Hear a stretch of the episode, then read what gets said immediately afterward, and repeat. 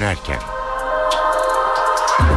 İyi akşamlar. Eve dönerken haberler başlıyor. Ben Tayfun Ertan. Günün haberleri ve yorumlarıyla her akşam olduğu gibi bugün de saat 19.30'a kadar sizlerle beraberiz. Öne çıkan gelişmelerin özetiyle başlıyoruz. İstanbul Adli Tıp Kurumu Özal'ın naaşı üzerinde yaptığı inceleme raporunu tamamladı. Kurum Özal'ın otopsisinde zehir bulgusuna ulaştı ancak bunun Özal'ın hayatını kaybetmesi için yeterli olamayacağı sonucuna vardı. 4 yıldır devam eden Ergenekon davasında yarın savcı mütalasına geçilecek. Sanıklar hakkında hangi cezanın istendiği netleşmeye başlayacak. Bunun ardından sıra son savunmalara gelecek.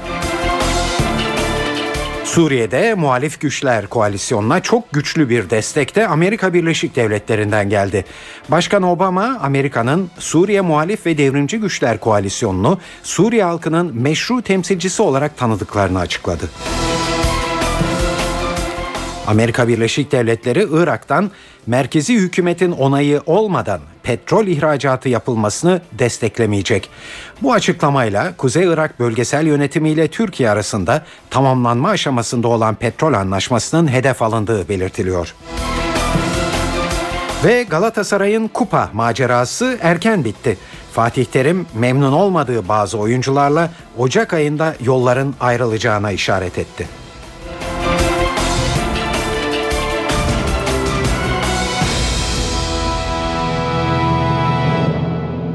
İyi akşamlar. Şimdi bu haberlerin ayrıntılarına geçiyoruz. 8. Cumhurbaşkanı Turgut Özal'ın ölümüyle ilgili sır perdesi biraz olsun aralanır derken pek de öyle olmadı. İstanbul Adli Tıp Kurumu Özal'ın naaşı üzerinde yaptığı incelemeyle ilgili raporunu tamamladı ve Ankara Cumhuriyet Başsavcılığına gönderdi. Raporda kurul üyelerinin tamamı Özal'ın otopsisinde zehir bulgusuna ulaşılmasına rağmen Özal'ın zehirlenmediği yönünde görüş belirtti. Yani mevcut zehir bulgusunun Özal'ın hayatını kaybetmesi için yeterli olamayacağı belirtildi. Ancak otopsi sonuçlarına göre Özal'ın vücudunda dört farklı zehirli madde tespit edildi. Bu ayrıntıları NTV muhabiri Deniz Tüysüz anlatıyor. Raporu 11 kişi hazırladı. Yani bu raporda İstanbul Adli Tıp Kurumu Başkanı Ali Günce dahil 11 kişinin imzası var. Aynı zamanda e, zaman zaman e, merhum Turgut Özal'ın vücudundan alınan doku örnekleri, örnekler zaman zaman Ankara Adli Tıp Kurumu'na TÜBİTAK gönderildi. İşte burada İstanbul Adli Tıp Kurumu'nda teşhis edilemeyen bazı maddelerin bu kurumlar aracılığıyla teşhis edilmesi sağlandı ve yine aldığımız bilgiler doğrultusunda söyleyebiliriz ki Özal'ın vücudunda 4 ayrı zehre rastlandı. Amerikyum 241, polonyum 210, DDT ve ağır metal anlamına gelen kadmiyum ancak zehre rastlandı. Ancak ölüm nedeninin bu zehirler nedeniyle olup olmadığı konusunda tam bir kanaate varılmadı. Evet 8. Cumhurbaşkanı Turgut Özal'ın ölümüyle ilgili Adli Tıp Kurumu raporu tamamlandı. Rapor artık Ankara Cumhuriyet Başsavcılığında. 306 sayfalık bu raporu inceleyen Cumhuriyet Başsavcısı ilgili savcılarla bugün uzun bir toplantı yaptı. Savcılıktan yarın bu konuyla ilgili daha ayrıntılı bir bilgi açıklaması bekleniyor. Bundan sonra sürecin nasıl işleyeceğini NTV muhabiri Gökhan gerçekten öğreniyoruz. 8. Cumhurbaşkanı Turgut Özal eceliyle mi öldü yoksa zehirlenerek öldürüldü mü? Bir suikaste mi kurban gitti? Kamuoyu günlerdir, aylardır bu tartışmanın içerisinde işte savcılık Cumhurbaşkanının ölümüyle ilgili böyle bir iddia gündeme geldikten sonra aslında bilimsel bir tespit istedi. Mezar açılsın, kabir açılsın, e, örnekler alınsın ve tetkikler yapılsın dedi. Şüphe olmamalıydı, tereddüt olmamalıydı. Bu nedenle çok farklı kurumlara, birbirinden habersiz ve bağımsız kurullara gönderildi. Onlar tetkiklerini yaptılar ve birinci ihtisas kurulunda İstanbul Adli Tıp Kurumu'nda bu veriler, bu raporlar toplandı ve ortak kanaat Özal'ın zehirlenmediği şeklindeydi. Haluk İnce açıklamalarda bulunduğu NTV'ye ve kararın oy birliğiyle alındığını söyledi. Birinci İhtisas Kurulu 11 üyeden oluşuyor. Uzmanlardan oluşan 11 üye bunlar raporları tek tek inceliyorlar ve rapor doğrultusunda kanaatleri doğrultusunda karar veriyorlar. O karar Özal'ın zehirlenerek öldürüldüğüne ilişkin herhangi herhangi bir bulguya rastlanılmamıştır kararı. Evet zehir var ama Özal'ı öldürerek öldürecek düzeyde değil. Özal'ın bu zehirlerle e, zehirlenerek öldürüldüğüne ilişkin herhangi bir kanıt yok yorumu yapıldı raporda. O raporla ilgili e, yorumun Ankara Cumhuriyet Başsavcılığından gelecek yorumun merakla beklendiğini söyleyebiliriz. İbrahim Ethem Kuruş bugün kurmaylarıyla bir toplantı yaptı. Soruşturma savcısı Kemal Çetin ilgili başsavcı vekilleriyle bir araya geldi. Tam 380 sayfalık 12 sayfalık sonuç sonuç yazısı olan bir rapor. En sonuç en son bölümünde de işte dediğimiz gibi karar yazıyor ama teknik bir rapor bu nedenle üzerinde çalışılması gereken bir rapor. Bugün işin içinden çıkılamadı açıkçası. Yarın belki bilir kişiler gö- görevlendirilecek adli tıp kurumu uzmanlarından görüş alınacak ve rapor üzerinde oldukça detaylı bir çalışma yapılacak. Ardından da Ankara Cumhuriyet Başsavcılığından yani bu soruşturmaya tamam mı devam mı diyecek başsavcılıktan Özal'ın ölümüne ilişkin net bir açıklama gelmesini bekliyoruz.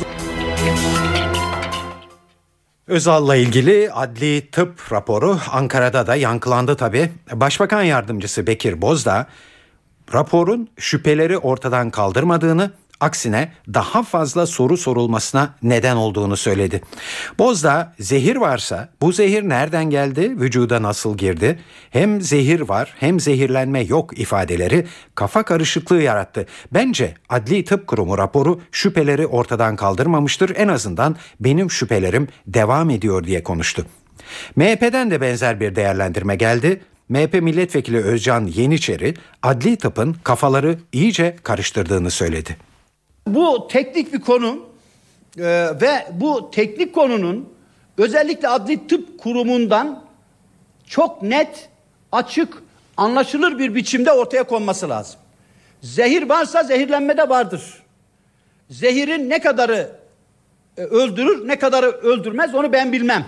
Kucağımıza bir çocuk atıyor adli tıp kurumu. Kamuoyunun kafası karma karışık hale getiriliyor. Turgut Özal'ın oğlu Ahmet Özal'dan da kısa bir açıklama geldi. Kuzey Irak'ta bulunan Ahmet Özal hafta sonu Türkiye'ye döndüğünde önemli açıklamalar yapacağını söyledi.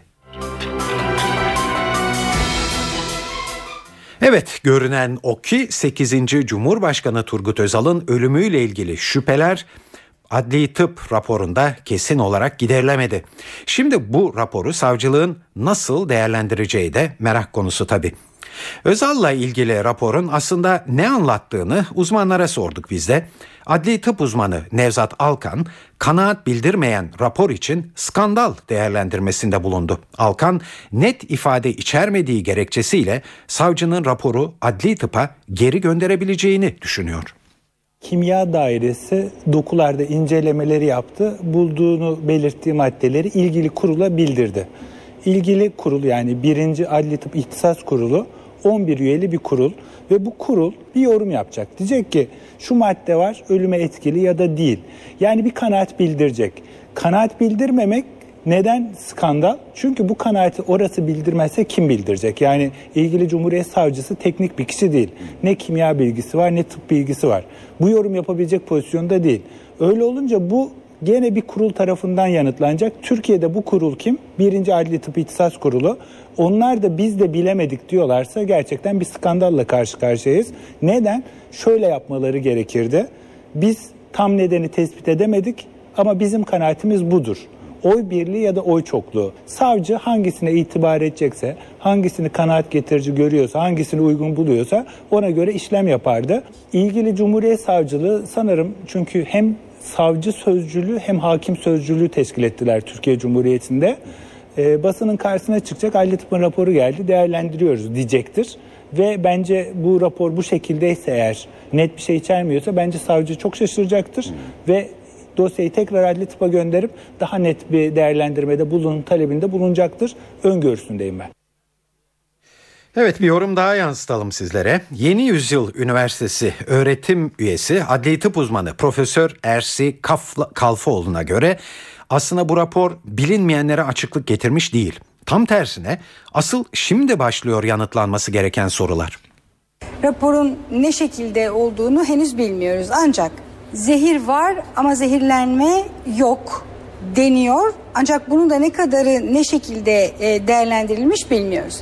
Zehi, zehirlenmenin ve onun sonucunda ölümün gerçekleşebilmesi için belli bir miktar madde gerekir. hangi miktarda aldığımız önemli. Şöyle söyleyeyim, basit olarak bildiğimiz bir ilaç ve bize iyi gelen bir ilaç dahi yüksek dozlarda alındığında o dahi zehir etkisi yapar. Bu nedenle ne miktar gerçek anlamda çok önemli. Burada bulunmuş, tespit edilmiş, kimya dairesi tarafından tespit edilmiş olan zehirlerin, zehirli olabilecek maddelerin öncelikle nereden geldiğinin değerlendirilmesi önemli. Çünkü farklı şekillerde olabilir. Sağken kişiye verilmiş olabilir. Bunu kronik bir süre yani uzun bir süre içerisinde al, almış olabilir. Öldükten sonra şu veya bu şekilde etraftan geçmiş olabilir. Ölçülen her türlü değer bütün bunlar nedeniyle e, elde edilmiş olabilir. Bu nedenle şu anda diyelim ki elimizde 5 ünite herhangi bir şey varsa o zaman bu 5 ünitelik hikaye 19 yıl önce kaç üniteydi? Bu ünite insanı öldürür mü, öldürmez mi gibi çok ciddi soruların cevaplandırılması gerekiyor. Bir de konunun siyasi uzantılarına bakalım. Bu işi de Özal'ı yakından tanıyan bir gazeteciye, Hürriyet gazetesi yazarı Şükrü Küçükşahin'e bırakalım. Şimdi öncelikle Sayın e, Başbakan Yardımcısı Bekir Bozdağ'ın şüpheler daha da arttı yönündeki sözünü e, çok anlamlı bulmadım. Umarım bu sözlerini e, diğer davalardaki bazı örneğin TÜBİTAK raporları içinde söyleyecektir. Mezarın açıldığı gün tesadüf bu Ahmet Özal'la Ankara'da karşılaştım ve inşallah haklı çıkarsınız yoksa babanızın kemikleri sızlamış olacak dedim. Çünkü Özal üzerinden maalesef Birileri sürekli olarak kendisini gündemde tutmak istiyor ve e, acımasızca söylemek zorundayım ki aile mensupları da buna dahildir. Bugün bakıyorum bu rapor üzerinde hala konuşanlar var. Yani bugün bir rapor ortaya çıktı. Şimdi bu raporun tamamını da gördükten sonra zaten sağlıklı değerlendirmelerde bulunacağız. Ama her şeyde inanılmaz bir komplo teorisi üretme alışkanlığı ve bu e, komplo teorilerine de inanarak kendimizi böyle gündemde tutmak gibi bir alışkanlık içine düştük. E, bu da bence rahmetli Özal için iyi bir anı olmadı. E, bu yaşadığını e, gerçekten e, herhalde hayal dahi edemezdi. O nedenle e, eminim e, bunu buna sebep verenlerin de e, verenlere de hakkını helal etmeyecektir.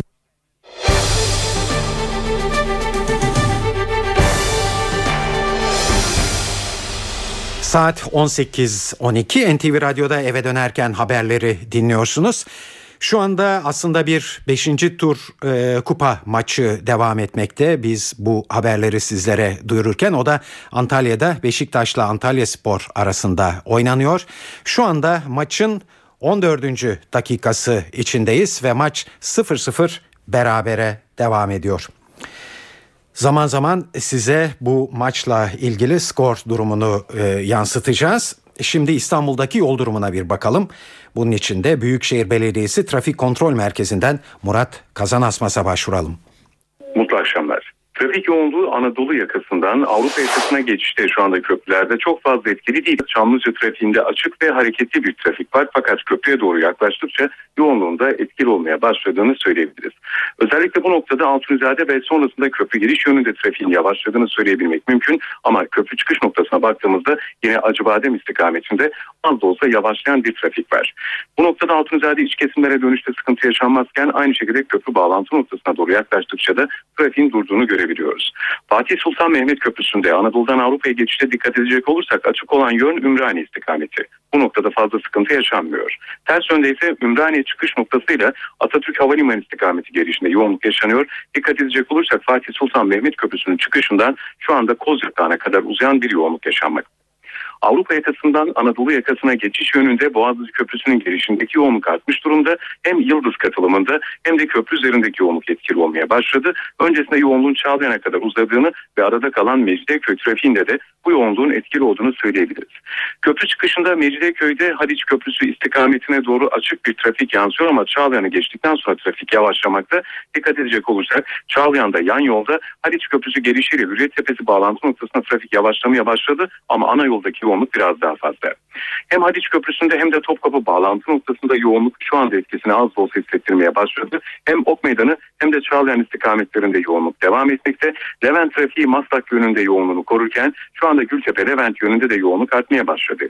Sahil yolunda Bakırköy transit yol çıkışında Ataköy yönünde yoğunluk etkili olurken ters yönde ise açık bir trafik var. Akşemsettin Viyadüğü'nden Fatih Sultan Mehmet Köprüsü yönünde yoğun ama Metris istikametinde daha açık bir trafik var. Kazasız günler yolunuz açık olsun.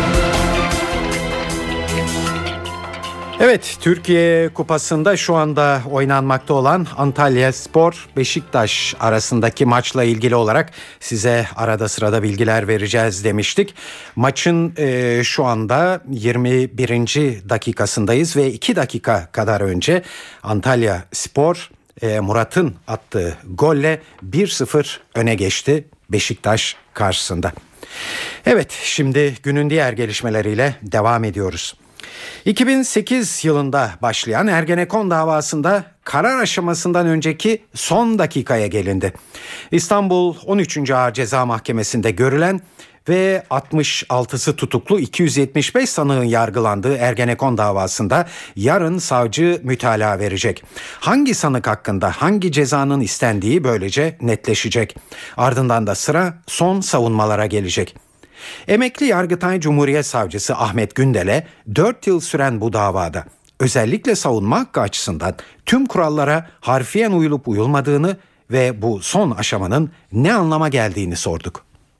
Burada insanlar e, çok sayıda insan çok önemli suçlardan yargılanıyor. Türkiye Cumhuriyeti hükümetini ortadan kaldırmaya kalkışmaktan kaynaklanan bir kişi yığın insan hakkında e, kamu davası var. Bunların bir kısmı e, tutuklu, bir kısmı e, tutuksuz. Bu nedenle e, savunmada elbette ki bir e, süre kısıtlaması söz konusu olmayacaktır. E, asıl savunmalar tabi şimdiye kadar e, yapıldı. Deliller tartışıldı ve ondan sonra e, Cumhuriyet Savcısı esasa ilişkin yani e, dosyadaki e, mahkumiyet ya da beraat ve diğer hükümlerin verilmesiyle ilgili görüşünü e, yarın e, açıklayacak. E, ve bundan sonra da Cumhuriyet Savcısının e, mütalasına karşı diyecekler sorulacak ve son savunmalar ve son sözler e, alınacak. Elbette burada e, savunma hakkının kutsallığı, savunma hakkının gerekliliği ilkeleri gereğince e, mahkeme heyeti e, herkese yeterli kadar bu hakkı tanıyacaktır. Herkes sonuna kadar e, bu haktan yararlanacaktır. Bunun e, aksini düşünmek e, mümkün değil. E, elbette mahkemede e, delillerin sunulması e, sınırsız değil. E, yani herkes gerek Cumhuriyet Savcısı gerek şikayetçi müdahil taraf e, gerekse sanık tarafı e, her e, delili sunmak gibi bir e, lükse sahip değil. Elbette mahkeme bunlar içerisinden bir eleme yapmına yapma hakkına e, sahiptir.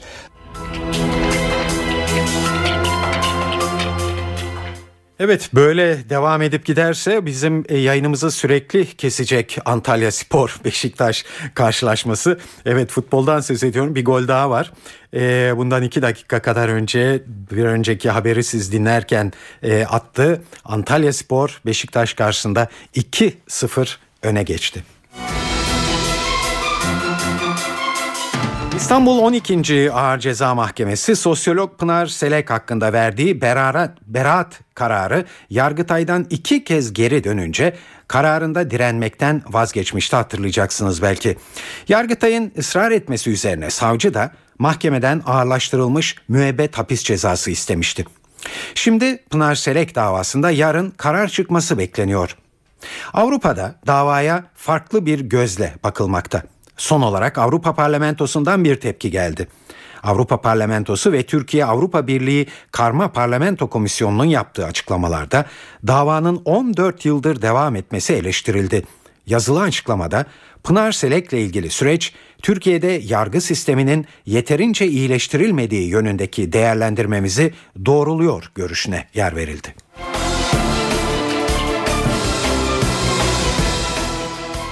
Uzun yıllar İsveç'te sürgün hayat yaşadıktan sonra geçen yıl Türkiye'ye dönen siyasetçi ve yazar Kemal Burkay, Kürt sorunuyla ilgili gelişmeleri NTV yayınında değerlendirdi.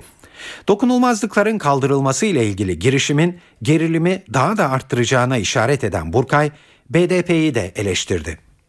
Dokunulmazlıklar kaldırılırsa bu biraz daha geriye gitmek olacak. Bence e, çözüme hizmet edecek adımlar atmak lazım. Halbuki dokunulmazlıkların kaldırılması gerilimi daha da büyütür. Yeni bir anayasanın yapılması gündemde. Ee, BDP seçimlerden başarıyla çıkmış. AK Parti de başarıyla çıkmış. BDP de. Yani BDP parlamentoya gelerek yeni anayasanın yapım sürecinde e, çok önemli roller oynayabilirdi. Ama boykot etti. Bu yanlış bir şeydi bana göre. Çok ciddi bir yanlıştı. Evet Kemal Burkay artık Kürt sorununun çözümüne katkı sağlayacak politikalara ağırlık verilmesi gerektiğini söylüyor. Hükümetin de politikaları sertleşti. Ama dediğim gibi e, hatalar karşılıklıydı. Yani bir bakıma e, Kürt tarafında da e, hükümetin sertleşmesi için çok şey yapıldı. Buna rağmen ben hükümetin politikasının sertleşmesinden yana değilim tabii. Buna rağmen hükümete, devlete ciddi sorumluluklar düştüğü kanısındayım. Bu sorunun çözümü için. Evet Kürt sorusu e, sorunuyla ilgili olarak önde gelen isimlerden Kemal Burkay Uludere olayına da şu sözlerle değindi. PKK'nın içerisinde olan e, Türkiye'nin istihbarat elemanlarından geldi. PKK'nın içerisinde olan Türkiye'nin evet, istihbarat elemanlarından. Evet öyle sanıyorum çünkü bunlar var. Hı hı. Yani yanlış bir istihbarat verildi ve o yanlış istihbarata uygun olarak orası bombalandı. Ama bu şey yapılamadı, kamuoyuna açıklanamadı. Ya, bence açıklanması gerekirdi. Çünkü bunu yapanlar en başta hükümeti köşeye sıkıştırmak istiyorlardı. Uzun süredir ortalıkta görünmeyen iş adamı Cem Uzan'la ilgili bir haber var sırada. 2008 yılında Fransa'dan sığınma talebinde bulunan ve geçici oturma izniyle bu ülkede yaşayan Cem Uzan, Paris'te gerçekleştirdiği evlilik sayesinde daimi oturma izni elde etti. Cem Uzan bundan 4 yıl sonra da Fransız vatandaşı olmaya hak kazanacak. Fransa'nın bu koşullarda Cem Uzan'ı Türkiye'ye iade etmeyeceği kaydediliyor. Zira Fransa suçu ne olursa olsun kendi vatandaşlarını üçüncü ülkelere iade etmiyor. Cem Uzan'ın Fransa'da elde ettiği daimi oturma izniyle Schengen'e üye tüm ülkelerde de rahatça seyahat edebileceği belirtilmekte. Cem Uzan, Çağış ve Kepez Elektrik davalarında kamuyu zarara uğrattığı gerekçesiyle suçlu bulunmuş ve hakkında arama kararı çıkartılmıştı. Son bir buçuk yılda 12 binden fazla kişiye şiddetten korunmak için destek sağlayan Aile ve Sosyal Politikalar Bakanlığı şimdi Türkiye'nin şiddet haritasını hazırlıyor. Amaç yapılabilecek yardımı şiddetin yoğunlaştığı bölgelere göre daha etkin hale getirmek.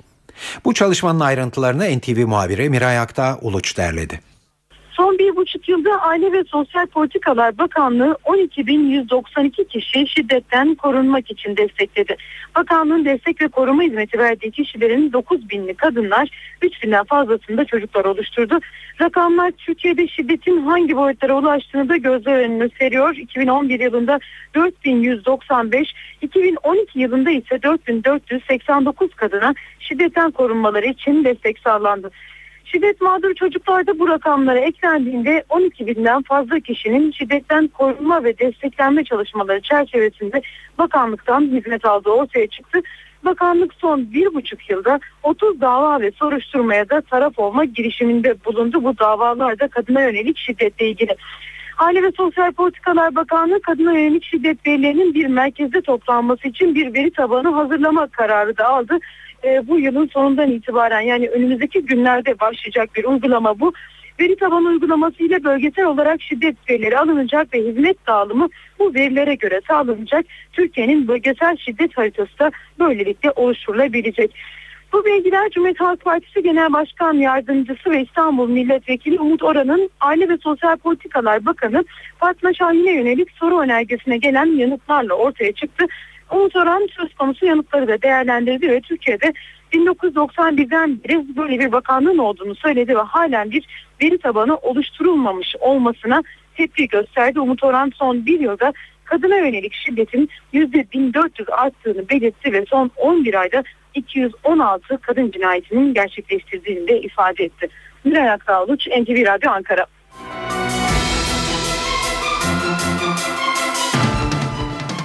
Evet Beşiktaş Antalya Spor maçından bir gol haberi daha var. Kupada 5. tur karşılaşmasında e, Beşiktaş bir gol attı bu sefer. 28. dakikada Holoska'nın ayağından böylece şu anda maç Antalya Spor 2 Beşiktaş 1 skoruyla devam ediyor. Akıllı kimlik olarak adlandırılan elektronik kimlik kartı uygulaması önümüzdeki yıl Haziran ayında 2 milyon kişiyle başlıyor. 3 yıl içinde tüm nüfusa akıllı kimlik kartı verilmiş olacak. Bu kartta pek çok ayrıntılı bilgi yer alacak. Yeni kimlik kartlarıyla bankadan para çekilebilecek, maça ya da sinemaya gittiğinizde bilet olarak kullanılabilecek. Otobüse metroya binerken de biletiniz bu akıllı kimlik kartınız olacak. Kartları Bilim ve Sanayi ve Teknoloji Bakanı Nihat Ergün tanıttı. Sadece bir nüfus kağıdı gibi e, olmayacak. Parmak izinizden izinizden tutun da damar e, izinize varana kadar birçok özelliğiniz orada olacak. Yani Ehliyet görevi görebilecek günü geldiğinde günü geldiğinde banka kartı görevi ge- görebilecek. E, stadyumlara girerken turnikelerden gösterip bilet. geçeceksiniz. Tabii bilet yerine ulaşım sisteminde Hı. kullanabileceksiniz. Yaklaşık 2 milyon vatandaşımız e, kullanmaya başlayacak. Evet. Ve 3 yıl içerisinde de bütün vatandaşlarımıza yaygınlaştırılacak. Evet bu akıllı kimliklerle sahteciliğin de önlenebileceği düşünülmekte. 700 binden fazla vatandaş sa- sahte kimlik kartı ile işlem yapmak evet. nedeniyle mahkemelik durumda. Sahte Hı. kimlik kartı diye bir mesele kalmayacak. Evet sırada para ve sermaye piyasalarında bugünkü gelişmeler var. CNBC'den Benel Hızarcı anlatıyor. Piyasalarda gün boyunca Fed'in yani Amerikan Merkez Bankası'nın bugün sonuçlanacak toplantısı gündemdeydi. Piyasalara istediğini vermeye devam edeceği Amerikan Merkez Bankası'nın ve tahvil alımı konusunda kararlı tutumunu koruyacağı beklentisi hakimdi. Bugün için risk iştahını canlı tutan faktör buydu ve buna paralel olarak yurt dışı piyasalarda ve içeride pozitif bir gün izledik. Japonya'dan gelen olumlu makine siparişleriyle birlikte sabah borsalar zaten güne olumlu başlamıştı.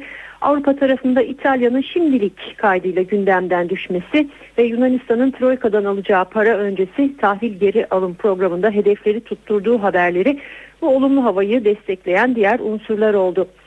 Baktığımız zaman borsada kapanış rekorunun bugün de tazelendiğini görüyoruz. Dün 77.500'ü denemişti endeks. Ancak buradan gelen satışlarla 77.000'in altında kapanmıştı. Bugünse 77.404 puandan gerçekleşen bir kapanış var.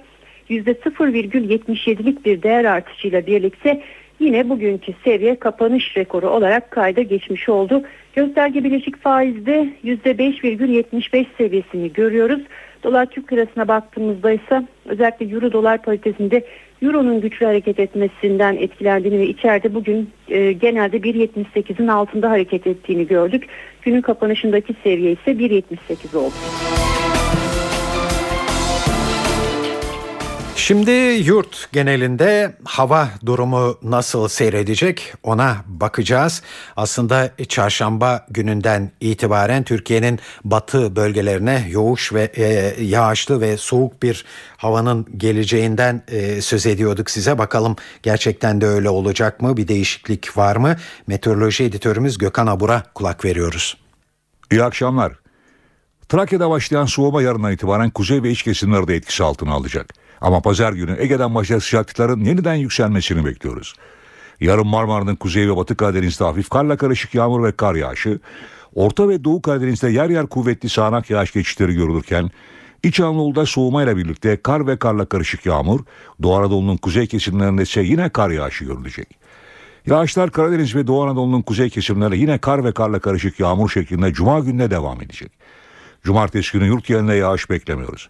İç ve doğu bölgelerde sis, don ve buzlanma etkili olacak. Pazar günü ise batı bölgeler kuvvetli lodosla birlikte yeniden sağanaklar da etkisi altına girecek. İstanbul bu gece daha da soğuyacak ve sıcaklıklar oldukça düşüyor. Yarın Boğaz ve Anadolu yakasında hafif kar yağışı görülebilir. Avrupa yakasında güneş görülecek sıcaklık ise 4 derece olacak. Ankara yarın sabah kar yağıştı. Sıcaklık 4 derece. Yarın gece hava açacak ve don ve buzlanma olacak. İzmir yarın açık ve soğuk. Sıcaklık 8 derece. Gece deva ayaz olacak ve sera üreticileri dikkatli olmalı. Hepinize iyi akşamlar diliyorum.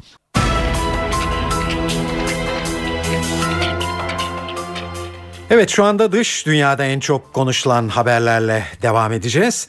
Suriye'de muhalif güçler koalisyonuna çok güçlü bir destek Amerika Birleşik Devletleri'nden geldi. Başkan Barack Obama Amerika'nın Suriye Muhalif ve Devrimci Güçler Ulusal Koalisyonunu Suriye halkının tek meşru temsilcisi olarak tanıdığını açıkladı. ABC televizyonuna konuşan Barack Obama koalisyonun yeteri kadar kapsayıcı olduğunu belirtti ve bu nedenle de tanıdıklarını söyledi. Başkan Obama bu durumun koalisyona sorumluluklar yüklediğini de dile getirdi. Muhalefet etkili bir şekilde organize olmalı, tüm partileri temsil etmelidir diyen Obama, geçiş sürecinde kadın haklarına ve azınlık haklarına saygı gösterilmesi gerektiğine de vurgu yaptı. Ancak Amerika'nın bu kararına Rusya'dan tepki geldi. Lavrov Amerika'nın tüm hesaplarını muhalefetin silahlı zaferine bağladığını ifade etti.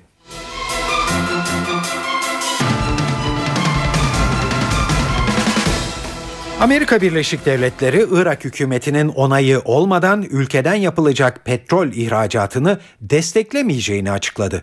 Açıklama Amerikan Dışişleri Bakanlığı sözcüsü Victoria Nuland'dan geldi. Newland, Irak petrolünün ihraç edilebilmesi için Bağdat'taki merkezi hükümetin onay vermesinin şart koşulacağını belirtti.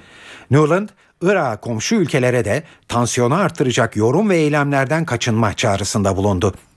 Washington'dan gelen bu uyarının özellikle Kuzey Irak bölgesel yönetimi ile Türkiye arasında tamamlanma aşamasında olan petrol anlaşmasını hedef aldığı belirtilmekte. Mısır'da Cumhurbaşkanı Muhammed Mursi'nin yetkilerini arttıracak yeni anayasa halkı ikiye bölmüş görünüyor. Anayasa referandumuna karşı çıkan muhaliflerle Cumhurbaşkanı Mursi'yi destekleyenler başkent Kahire'nin ayrı yerlerinde gösteriler düzenledi.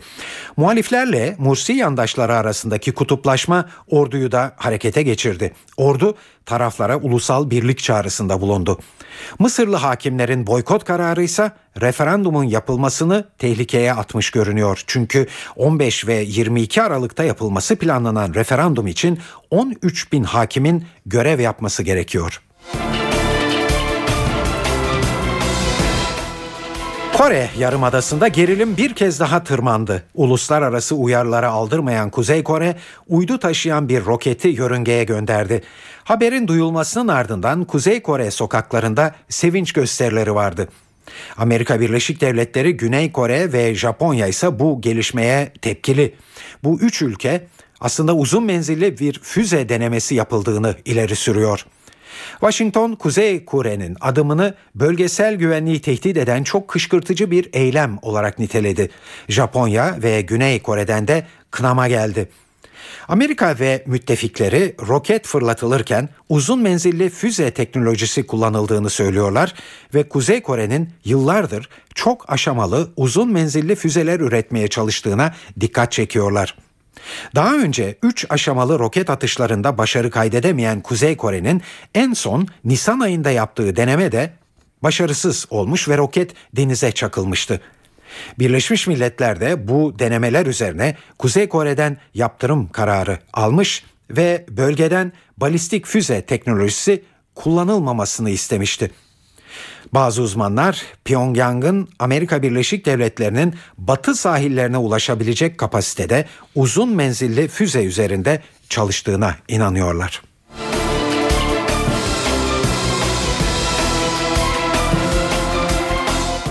Şimdi bir dizi spor haberiyle devam edeceğiz. Eve dönerken haberlere. Galatasaray'ın Ziraat Türkiye Kupası macerası erken bitti. Sarı kırmızılı takım Trabzonspor'un PTT 1. Lig'de yer alan pilot takımı 1461 Trabzon'a 2-1 yenilerek 5. turda elendi. Türk Telekom Arena'daki maça sahaya yedek ağırlıklı kadroyla çıkan Galatasaray ilk yarıyı Sercan Kaya'nın 31. dakikada penaltıdan attığı golle 1-0 yenik kapattı. 1961 Trabzon 70. dakikada Emrullah'ın golüyle durumu 2-0 yaptı. Galatasaray 77. dakikada Emre Çolak'ın golüyle skoru 2-1'e getirdi. Sarı Kırmızılıların son bölümdeki baskısında 85. dakikada Aydın ve 90. dakikada Elmander'in vuruşları direkten dönünce maçı 2-1 kazanan 1461 Trabzon gruplara kaldı ve Galatasaray kupaya veda etti. Teknik direktör Mustafa Akçay güçlü bir takım karşısında önemli bir başarı elde ettiklerini söyledi. Farklı stratejiler geliştirebilecek güçlü bir takım oynayacağımızın bilinciyle geldik zaten. Ancak biz de sonuçta belli bir eğitim almış, belli sürelerde, belli yerlerde başarılar elde etmiş bir takımız. Direncimiz var. Ee, direkt oyunla oynuyoruz. Kontratak yapabilme gücümüz yüksek bir takım olarak algılayabiliriz. Bence biz bugün biraz da Galatasaray'ın bizi küçümsemesi mi diyeyim, önemsiz görmesi mi diyeyim, belki belki de öyle değildir ama ben öyle algılıyorum. Bu güçlü takıma karşı bir başarı elde ettik. Cami olarak mutluyuz. Bugün maçla ilgili yorumlarda kendisi de eleştirilen Galatasaray Teknik Direktörü Fatih Terim ise performanslarından memnun olmadığı bazı oyuncularla Ocak ayında yolların ayrılacağına işaret etti. Koşarsınız, mücadele edersiniz, savaşırsınız mecazi anlamda. Olmaz. Ona hiç itirazım olmaz. Ama bir 75-70-75 dakika var ki çok bize yakışan bir tarz değil. Benim hiç alışık olduğum bir durum da değil. Şimdi muhakkak ki az görev almak, az dakika almak, az zaman almak, az oynamak bunlar bir sebeptir ama büyük takımlarda görev ne zaman verilirse verilsin her oyuncu e, bunu layıkıyla yerine getirmek zorundadır. Performansının en üstünü vermek zorundadır. Bakıyoruz bütün sezona kimle beraber gidebiliriz, kimle gitmeyiz diye bir toplama çıkarma yapıyoruz. Dolayısıyla her saniye, her dakika, her oyun, her maç herkes için bir e, önemli veri. Bunun yansımaları Fenerbahçe maçın olmaz ama devre arasında olur bunun yansımaları. Evet bu ilginç maçla ilgili bir de yorum yansıtalım sizlere. Spor yazarı Ahmet Çakır Galatasaray'ın aklı hafta sonu oynanacak Fenerbahçe derbisindeydi diyor. E, öncelikle kupa bu demektir. O açıdan sevinmemiz gerekir. Yani Türk futbolu adına bu tarz gelişmeler genellikle büyük takım açısından yorumlanıyor ve felaket gözüyle bakılıyor. Oysa öyle değil. Demek ki e, alt liglerden takımlar bile e, ligin liderini e, Manchester United'ı yenmiş takımı gözüne kestirip orada yenme hesabı yapıyor ve bunu gerçekleştirebiliyor. Elbette ki konuya Galatasaray açısından daha geniş biçimde bakmak gerekiyor ve bakılıyor.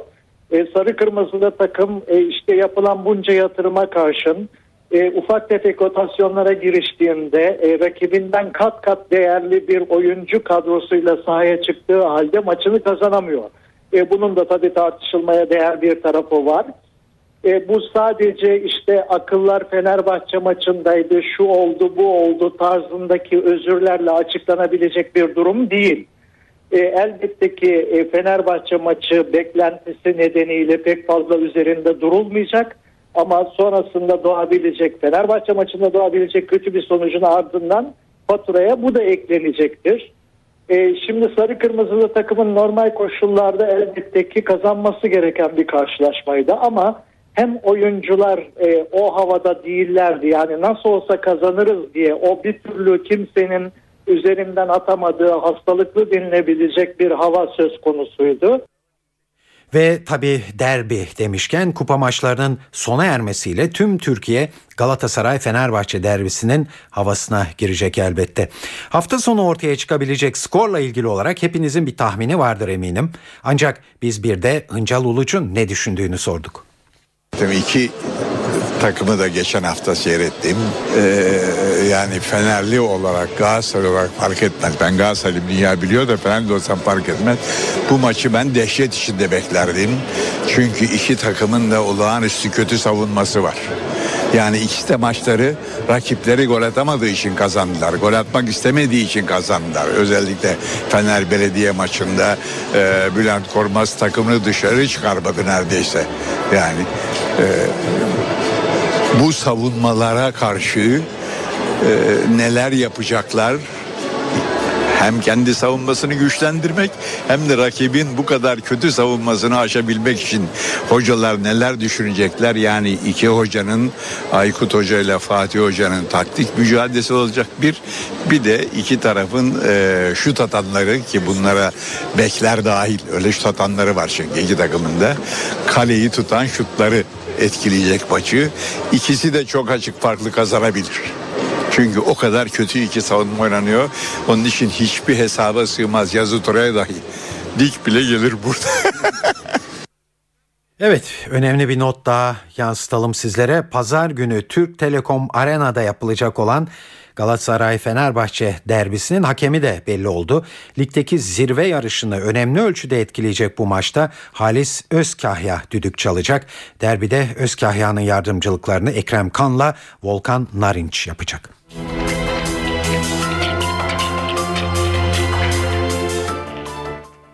Evet Türkiye Ziraat Kupası'nda Beşiktaş 5. tur maçında deplasmanda Medikal Park Antalya Spor'la karşılaşmakta. Saat 18'de başladı bu mücadele ve yayınımız sırasında sizlere e, golleri e, yansıttık ve mücadelenin ilk yarısı tamamlanmış durumda şu anda ve karşılaşma Antalya Spor'un 2-1 üstünlüğüyle devam ediyor. Türkiye Kupası'nda bir diğer maçta Fenerbahçe ile Göztepe arasında oynanacak bu akşam. Şükrü Saracoğlu'nda yapılacak maç saat 20.30'da başlayacak. Teknik direktör Aykut Kocaman'ın sahaya yedek ağırlıklı bir kadroyla çıkması bekleniyor.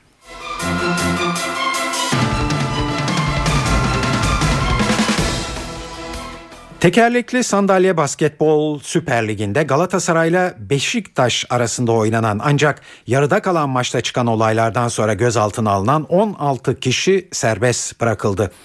Emniyette yapılan sorgulama sonrası iki kişi hakkında yaşları 18'in altında olduğu için işlem yapılmadı. Bakırköy Adliyesi'ne sevk edilen 14 kişi ise savcı tarafından sorgulandı.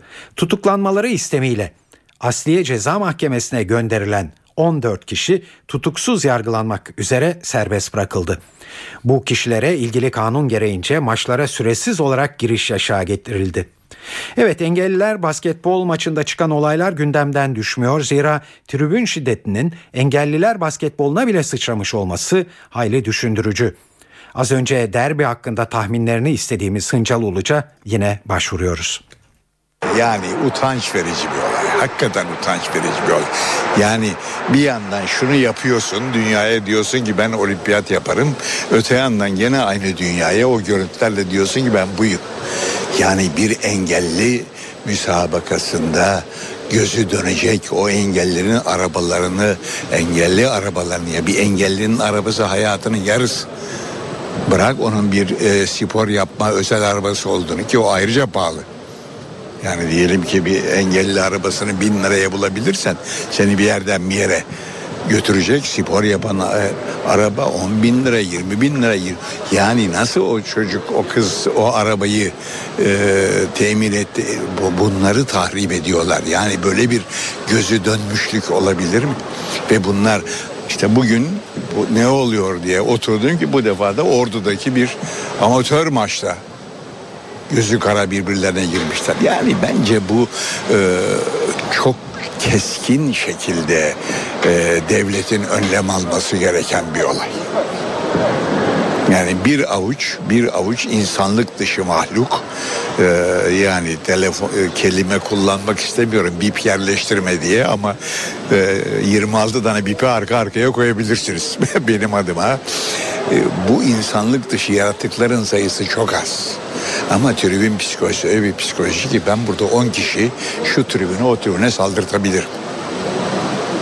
Bu 10 kişiyle benim devletim artık mücadele etmeli.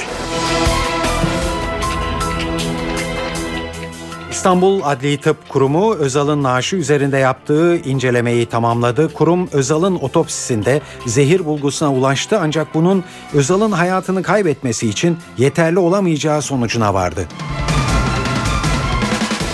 4 yıldır devam eden Ergenekon davasında yarın savcı mütalasına geçilecek.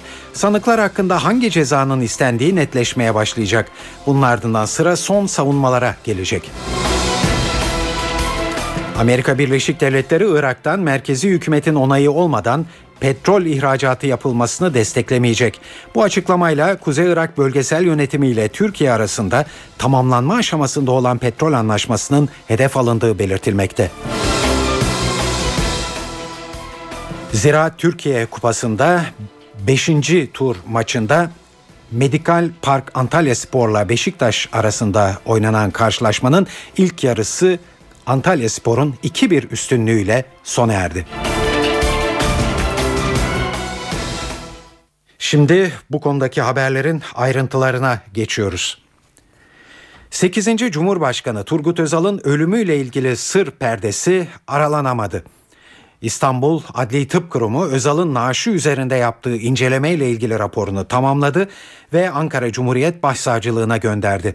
Raporda kurul üyelerinin tamamı Özal'ın otopsisinde zehir bulgusuna ulaşılmasına rağmen Özal'ın zehirlenmediği yönünde görüş bildirdi. Yani mevcut zehir bulgusunun Özal'ın hayatını kaybetmesi için yeterli olamayacağı belirtildi. Ancak otopsi sonuçlarına göre Özal'ın vücudunda dört farklı zehirli madde tespit edildi. Ayrıntıları NTV muhabiri Deniz Tüysüz anlatıyor.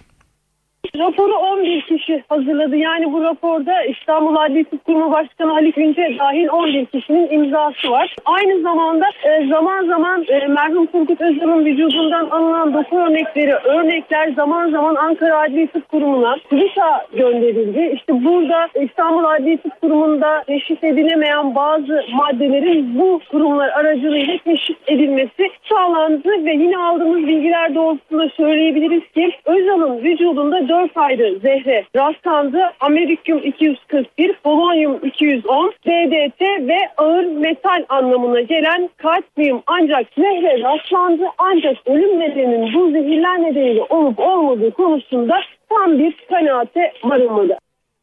Evet 8. Cumhurbaşkanı Turgut Özal'ın ölümüyle ilgili Adli Tıp Kurumu raporu tamamlandı. Şimdi rapor savcılıkta 360 sayfalık raporu inceleyecek Cumhuriyet Başsavcısı ve ayrıntılı bir açıklama yapacak. Bundan sonra sürecin nasıl işleyeceğini NTV muhabiri Gökhan Gerçek'ten öğreniyoruz. 8. Cumhurbaşkanı Turgut Özal eceliyle mi öldü yoksa zehirlenerek öldürüldü mü?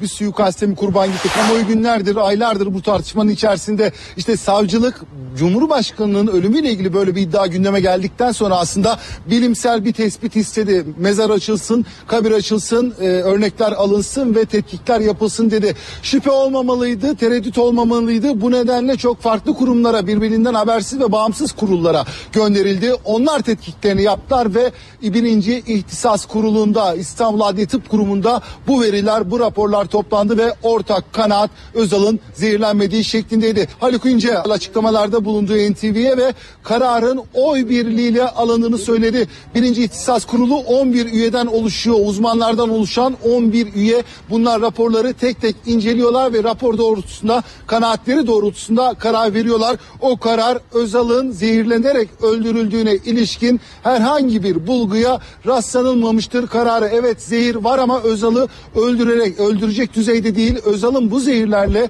e, zehirlenerek öldürüldüğüne ilişkin herhangi bir kanıt yok yorumu yapıldı raporda. O raporla ilgili e, yorumun Ankara Cumhuriyet Başsavcılığından gelecek yorumun merakla beklendiğini söyleyebiliriz. İbrahim Ethem Kuruş bugün kurmaylarıyla bir toplantı yaptı. Soruşturma savcısı Kemal Çetin ilgili başsavcı vekilleriyle bir araya geldi. Tam 380 sayfalık 12 sayfalık sonuç sonuç yazısı olan bir rapor. En sonuç en son bölümünde de işte dediğimiz gibi karar yazıyor ama teknik bir rapor bu nedenle üzerinde çalışılması gereken bir rapor. Bugün işin içinden çıkılamadı açıkçası.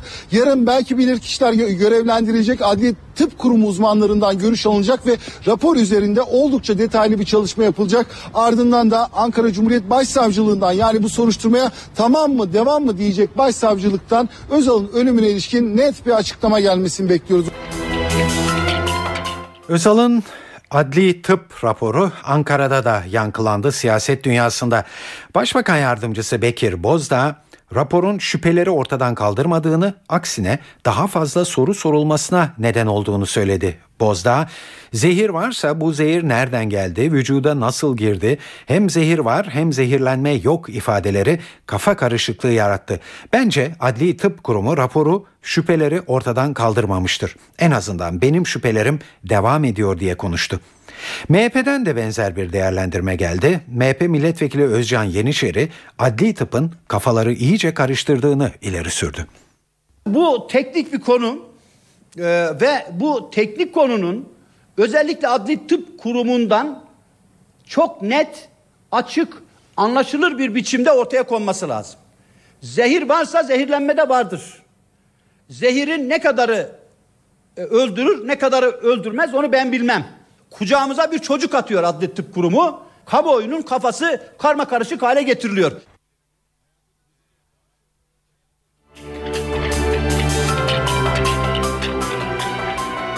...2008 yılında başlayan Ergenekon davasında karar aşamasından önceki son aşamaya gelindi.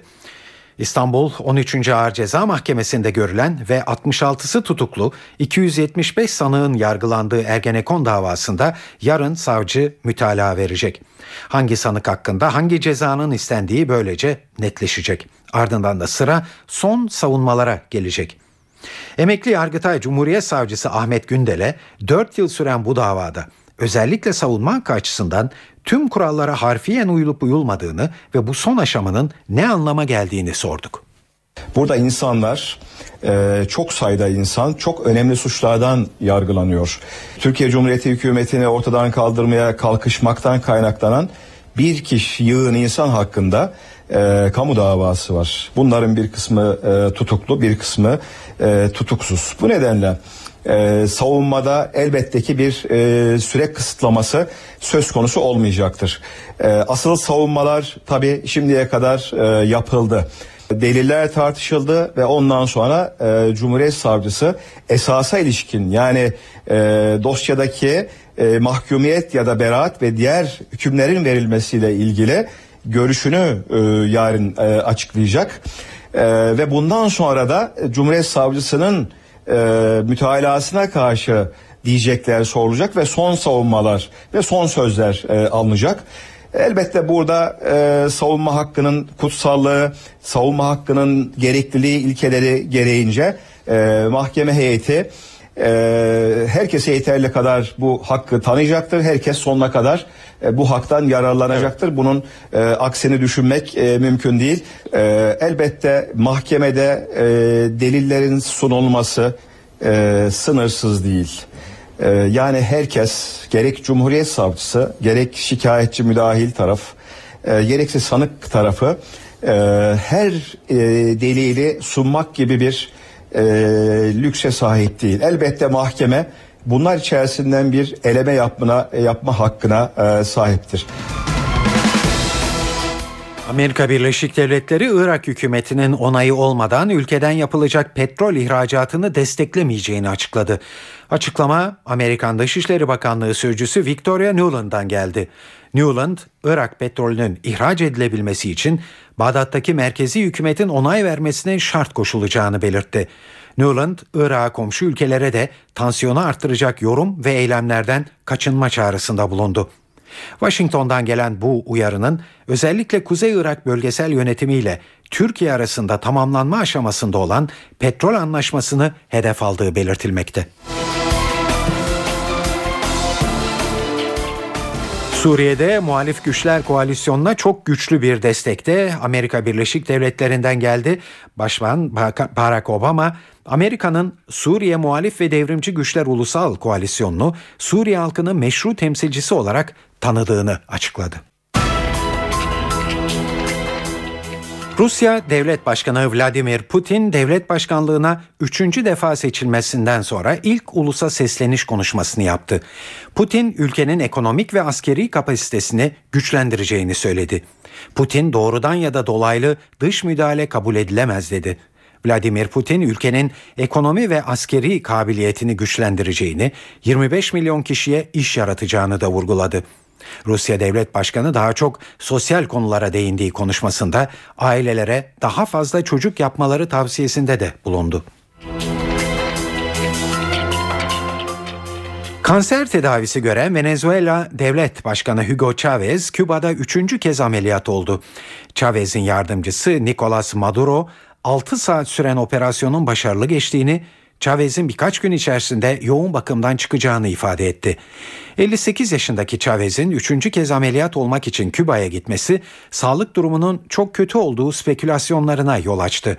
Chavez'in yolculuk öncesinde Venezuela devlet televizyonunda bana bir şey olursa yardımcım Nicolas Maduro'yu seçin demesi de bu iddiaları güçlendirmişti. Evet tekerlekli sandalye basketbol liginde Galatasaray ile Beşiktaş arasında oynanan ancak yarıda kalan maçta çıkan olaylardan sonra gözaltına alınan 16 kişi serbest bırakıldı. Emniyette yapılan sorgulama sonrası iki kişi hakkında yaşları 18'in altında olduğu gerekçesiyle işlem yapılmadı. Bakırköy Adliyesi'ne sevk edilen diğer 14 kişi içinse savcı sorgulaması yapıldı ve tutuklanmaları istemiyle Asliye Ceza Mahkemesi'ne gönderilen bu 14 kişi tutuksuz yargılanmak üzere serbest bırakıldı. Bu kişilere ilgili kanun gereğince maçlara süresiz olarak giriş yasağı kondu. Evet engelliler basketbol maçında çıkan olaylar gündemden düşmeyeceğe benzer zira tribün şiddetinin engelliler basketboluna bile sıçramış olması çok düşündürücü. Bu konuda Hıncal Uluç'un değerlendirmesine başvurduk. Yani utanç verici bir olay. Hakikaten utanç verici bir olay. Yani bir yandan şunu yapıyorsun dünyaya diyorsun ki ben olimpiyat yaparım. Öte yandan yine aynı dünyaya o görüntülerle diyorsun ki ben buyum. Yani bir engelli müsabakasında gözü dönecek o engellerin arabalarını engelli arabalarını ya bir engellinin arabası hayatının yarısı.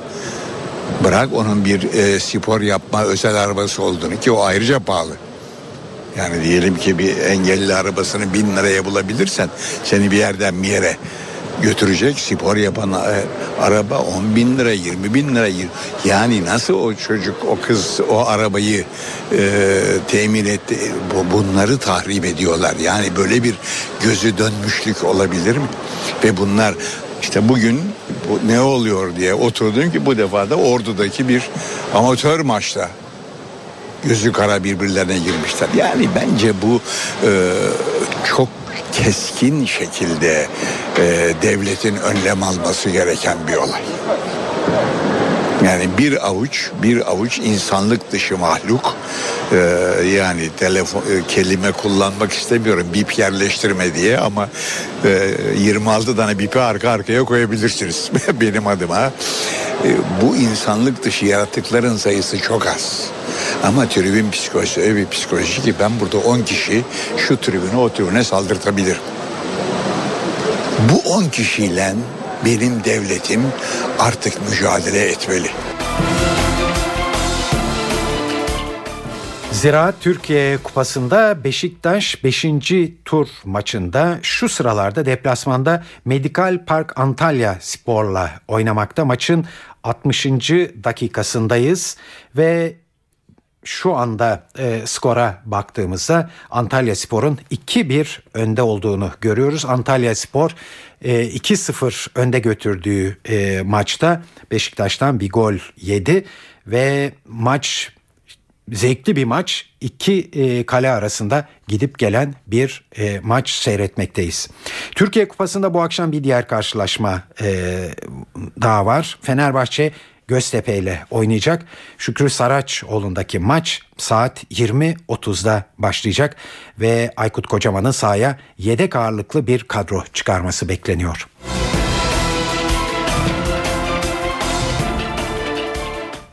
Evet geldik kültür sanat faaliyetlerinden derlediğimiz kısa haberlerimize.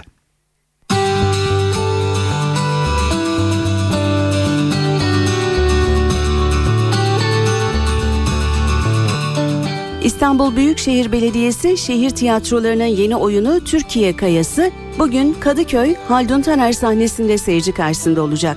Türkiye'nin en genç yazarlarından Fehime Seven'in yaşanmış bir olaydan yola çıkarak yazdığı oyunda Bulgaristan'dan göç etmek zorunda kalan bir ailenin öyküsü anlatılıyor. Şükrü Türen'in yönettiği, Hikmet Görmükçü, Nevzat Çankara, Sevtap Çapan, Selim Can Yalçın, Hakan Yavaş, Kubilay Pembeklioğlu'nun rol aldığı oyunun müzikleri ise Muammer Ketencoğlu'na ait. Türkiye Kayası bugün saat 20.30'da Kadıköy Haldun Taner sahnesinde olacak. Avrupa'nın en iyi ateş ve ışık gösterisi topluluğu olarak tanınan Phoenix'in en yeni gösterisi Illuminiere Tim'de görebilirsiniz bugün. Kostümlerin, dansın, illüzyon ve estetik düş gücünün birleştiği muhteşem bir sahne tasarımının sunulacağı gösteri bugün saat 21'de Tim Maslak Show Center'da. İlhan Erşahin tüm dünyada büyük beğeni toplayan İstanbul Sessions projesiyle bugün Garaj İstanbul sahnesinde olacak. Grammy ödüllü perküsyon ustası Arto Tunç Boyacıyan'ın da eşlik edeceği konser saat 22'de başlayacak. Portishead grubundan tanıdığımız Geoff Barrow Big adlı projesiyle ilk kez Türkiye'de Babilon sahnesinde olacak bugün. Radyo Eksen'in katkılarıyla gerçekleşecek bu konserde saat 20.30'da. Göte Enstitüt İstanbul ve Borusan Müzik Evi işbirliğiyle gerçekleşen açıklamalı konserler serisi de besteci ve bağlama sanatçısı Taner Akyol'la devam ediyor. Akyol'un müziği günümüzde Batı Avrupa'nın avantgard müziği olarak tanımlanıyor. Bu konserde Akyol'a Hezarfen Ensemble eşlik edecek. Konser saat 20'de Borusan Müzik Evi'nde. Bugün ayrıca Mehmet Erdem saat 20'de Sabancı Üniversitesi Gösteri Merkezi'nde, Kurtalan Express saat 21'de Shaft Club'da ve Yurdal Çağlar Trio ise saat 22'de Alt Jazz Club'da çıkacaklar. Türkiye Gazeteciler Cemiyeti'nin Beşiktaş Belediyesi ve Belgesel Sinemacılar Birliği ile düzenlediği bir belgesel, bir gazeteci, çay ve simit etkinliği devam ediyor. Etkinlik kapsamında bugün Ana Dilim Nerede adlı belgesel gösterilecek. Veli Kahraman'ın yönettiği ve Mustafa Kahraman, Hatice Kahraman, Lebriz Bakır'la Sabire Özdamar'ın yer aldığı belgesel saat 19'da Levent Kültür Merkezi'nde ücretsiz olarak gösterilecek. İstanbul dışındaki etkinliklerle devam edelim. Anatema grubunun kurucu üyesi Danny Kavana İstanbul konserinin ardından Ankara'da bir konser verecek bugün. Anatema şarkıları ayrıca Pink Floyd, Massive Attack ve Metallica gibi grupların coverlarından oluşan akustik setiyle müzikseverlerin karşısına çıkacak olan Kavana saat 21'de Jolly Joker Ankara adlı mekanda olacak. Genco Erkal'ın yönetip oynadığı Kerem gibi Nazım Hikmet'le 35 yıl adlı oyunda bugün Tepekule Kültür ve Kongre Merkezi'nde İzmir'deki tiyatro severlerin karşısında olacak. Nazım Hikmet'in şiir dünyasından izlenimlerini, Ozan'ın yaşamı, şiirleri ve görüntüleri eşliğinde anlatan oyun saat 20.30'da başlayacak. Adana Devlet Tiyatrosu'nun Karımla Evleniyorum Nikah Kağıdı adlı oyunu bugün Hacı Ömer Sabancı Kültür Merkezi'nde görülebilir. Sevginin, saygının azaldığı ve sadece nikahlı oldukları için evliliklerini sürdüren çiftlerin düştükleri durumu anlatan bu komediyi Ali Hürol yönetiyor. Oyun saat 20'de başlayacak. Evde olacaklar için de önerilerimiz var. Narnia serisinin yazarı C.S. Lewis'in hayatını konu alan Shadowlands adlı film bu akşam saat 22'de CNBC-E'de gösterilecek. Yazarı Anthony Hopkins'in oynadığı film, Lewis'in 60'ına yaklaşırken yaşadığı bir aşkı anlatıyor. Film öncesinde ise CNBC-E'de yine saat 19'da Merlin, 20'de Hot in Cleveland ve 21'de Leverage adlı diziler ekrana gelecek. E2'de saat 23'te Family Guy var. Star TV'de de saat 20'de Muhteşem Yüzyıl, saat 23.15'te de Eyvah Düşüyorum adlı yarışma programını izleyebilirsiniz. Saat 19.24 yayınımızın yavaş yavaş sonuna geliyoruz. Günün öne çıkan gelişi e, gelişmesi İstanbul Adli Tıp Kurumu'nun Özal'ın naaşı üzerinde yaptığı inceleme raporunu tamamlamasıydı. Kurum Özal'ın otopsisinde zehir bulgusuna ulaştı ancak bunun Özal'ın hayatını kaybetmesi için yeterli olamayacağı sonucuna ulaştı. Evet Ziraat Türkiye Kupası'nda Beşiktaş 5. tur maçında deplasmanda Medikal Park Antalya Spor'la karşılaşmakta şu sırada. Maç 2-1 Antalya Spor'un üstünlüğüyle devam ediyor 66. dakikada. Evet yayınımızın sonuna geldik. Bu programın editörlüğünü Onur Koçaslan, stüdyo teknisyenliğini İsmet Tokdemir yaptı. Ben Tayfun Ertan. Hepinize iyi akşamlar diliyoruz. Hoşçakalın.